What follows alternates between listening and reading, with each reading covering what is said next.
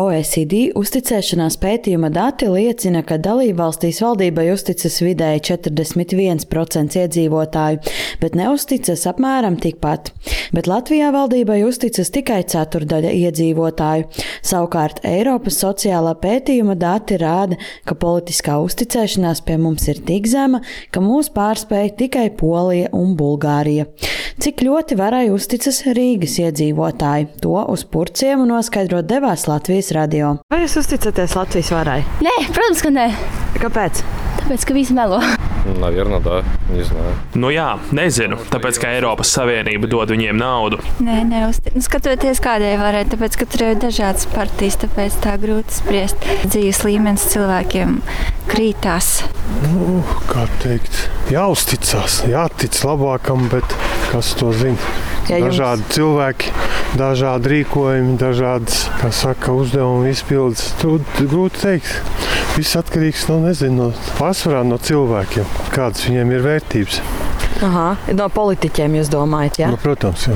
Kāpēc vispār ir būtiski vairot uzticību varai, to stāsta valsts kancelējas vadītājs Jānis Citskovskis. Ja mēs spēsim kaut vai par procentu paaugstināt uzticēšanos mūsu politiskajai varai, mūsu valsts varai, tas viss veicinās mūsu valsts attīstību.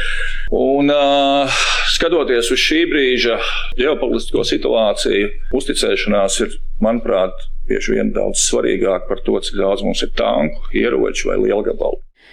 Citskovskim taisnība. Zemes politiskās uzticības līmenis sabiedrībā ne tikai veicina ēnu ekonomiku un emigrāciju, bet arī rada apdraudējumu valsts drošībai.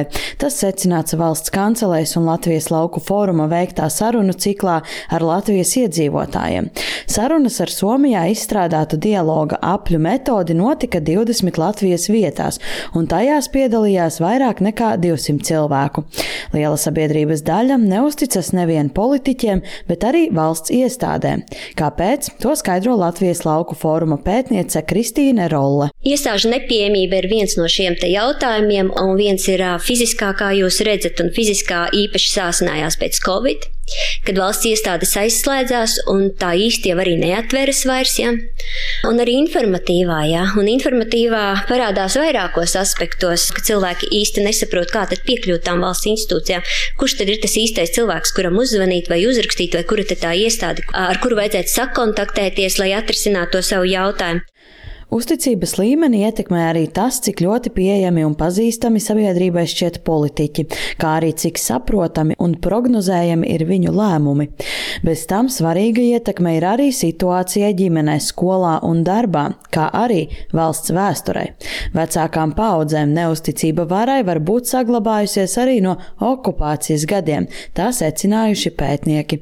Augstāku uzticības līmeni gan bauda pašvaldību politiķi, jo tie sabiedrībai šķiet tuvāki un pazīstamāki, kā arī viņu lēmumi saprotamāki. Pamatīgi sabiedrības viedokli ietekmē arī saturs sociālajos medijos, kur aktīvi tiek izplatīta dezinformācija, īpaši no Krievijas.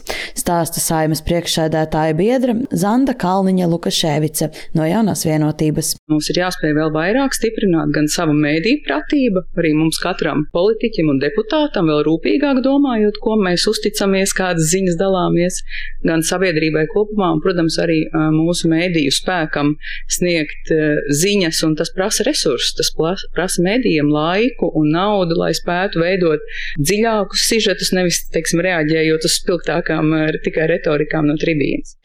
Šodien šim tematam veltītā konferencē politiķi solījās aktīvāk strādāt pie tā, lai celtu politisko uzticību sabiedrībā visos līmeņos.